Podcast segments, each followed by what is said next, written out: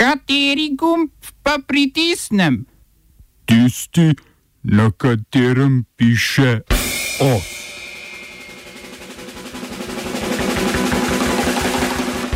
Etiopijska ofenziva nad Tigrajsko prestolnico.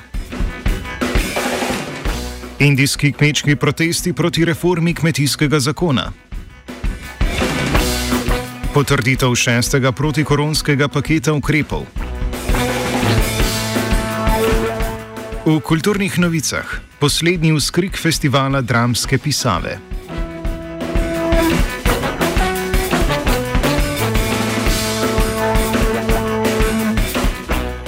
Etiopijski premijer Abi Ahmed je ukazal vojaški prevzem prestolnice regije Tigraj, pardon, zadnji korak k vladavini prava, potem ko se tigrajska vojska ni predala do zahtevanega roka. Premijer Abi je sicer tudi zatrdil, da se je velik del, okrog tisoč pripadnikov osvobodilne fronte tigrajskega naroda, predal etiopijski vojski v zahtevanih 72 urah, medtem ko poveljstvo fronte to zanika. Zaradi prekinjenih telefonskih povezav v okolici regije Tigraj tudi ni mogoče vedeti, katera stran govori resnico o tem, ali je etiopijska vojska obkolila prestolnico Mekele ali ne, kakor trdi fronta. Premijer je tudi zavrnil mednarodno posredovanje v regiji in tako dovolil predstavnikom Afriške unije, da se srečajo z njim, ne pa tudi s predstavniki osvobodilne fronte.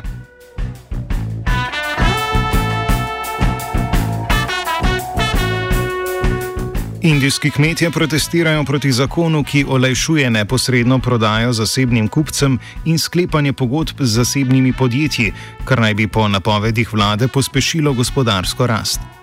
Nasprotniki tega septembrskega zakona trdijo, da bo zakon znižal odkupne cene živil, ki bodo postale nižje od trenutnih cen živil, po katerih jih kupuje posebna vladna agencija.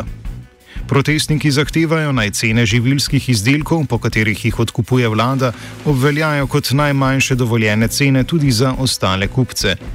Poleg tega so kritični do deregulacije predpisov o prodaji, postavljanju cen in shranjevanju živil. Protesti v New Delhiu so sicer zaradi pandemije prepovedani in protestnike je policija Zvezdne države Harjana na poti do prestolnice ustavila z vodnimi topovi in blokadami. Protesti kmetov in trgovskih sindikatov potekajo od septembrskega sprejetja zakona, predvsem v zvezdnih državah Punjab in Harjana, odvisnih od agrikulture.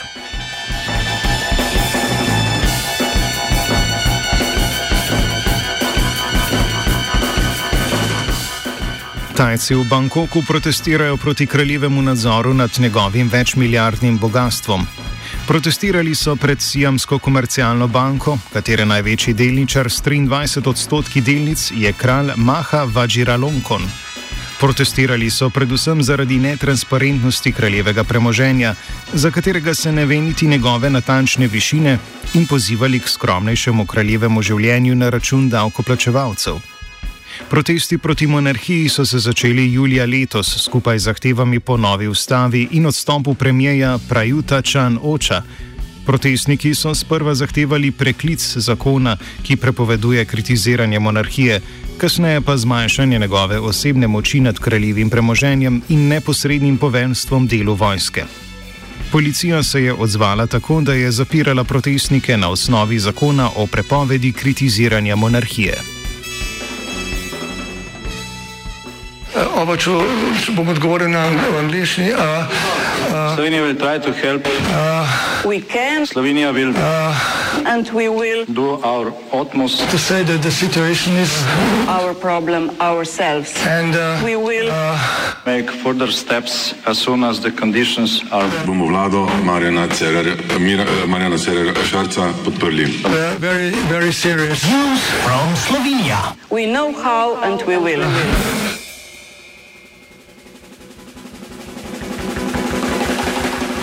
Državni zbor je potrdil šesti protikoronski paket ukrepov.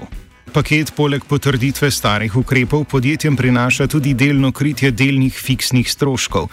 Država bo podjetjem, ki so zaradi pandemije izgubila 30 odstotkov prihodka ali več, za zadnje tri mesece povrnila del stroškov najmnine, elektrike in plač delavcev. Višina pomoči bo odmerjena na podlagi lanskega prihodka. Med podaljšanimi ukrepi ostaja državno subvencioniranje čakanja na delo in zamrznitev odplačevanja posojil za podjetja in posameznike. Proti paketu so glasovali poslanci Levice in delno socialnih demokratov. Bili so kritični do zvišanja kazni za organizatorje zbiranja ljudi na javnih krajih, ki je sedaj med 1200 in 12000 evri. Iz paketa je sicer izpadel predlog, da bi bili denarno kaznovani tudi tisti, ki pozivajo k takšnemu zbiranju. Prav tako je bila opozicija kritična do določb, kot je odprava akreditacije visokošolskih zavodov, ki ne vplivajo na reševanje pandemije ali gospodarstva.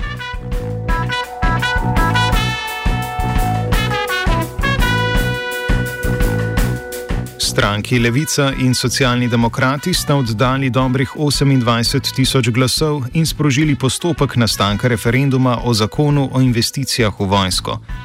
Stranki želite referendum o nedavno sprejetem zakonu, ki med letoma 2021 in 2026 predvideva uložitev 780 milijonov evrov v vojaške naložbe.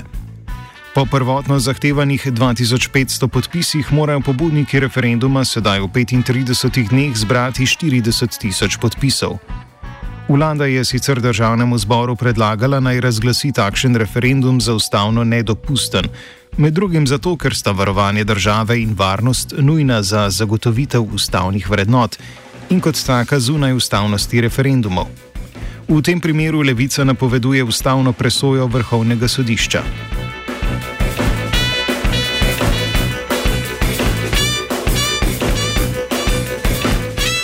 Ministrstvo za zdravstvo je sprejelo nova pravila obveznega testiranja s hitrimi testi za vse zaposlene v domovih za starejše in socialnih zavodih.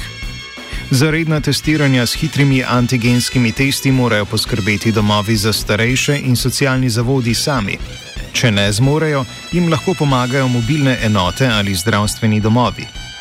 Vsi zaposleni, vključno s prostovoljci in študenti, ki so delali v coni z okužbo, se bodo tako morali testirati vsaj enkrat tedensko po pojavitvi okužbe. Za socialne zavode pa velja, da se morajo testirati vsi, ki delajo in živijo v zavodu, razen če so virus že preboleli v zadnjih treh mesecih. Hitro testiranje bo v vseh domovih moralo biti uveljavljeno do 7. decembra.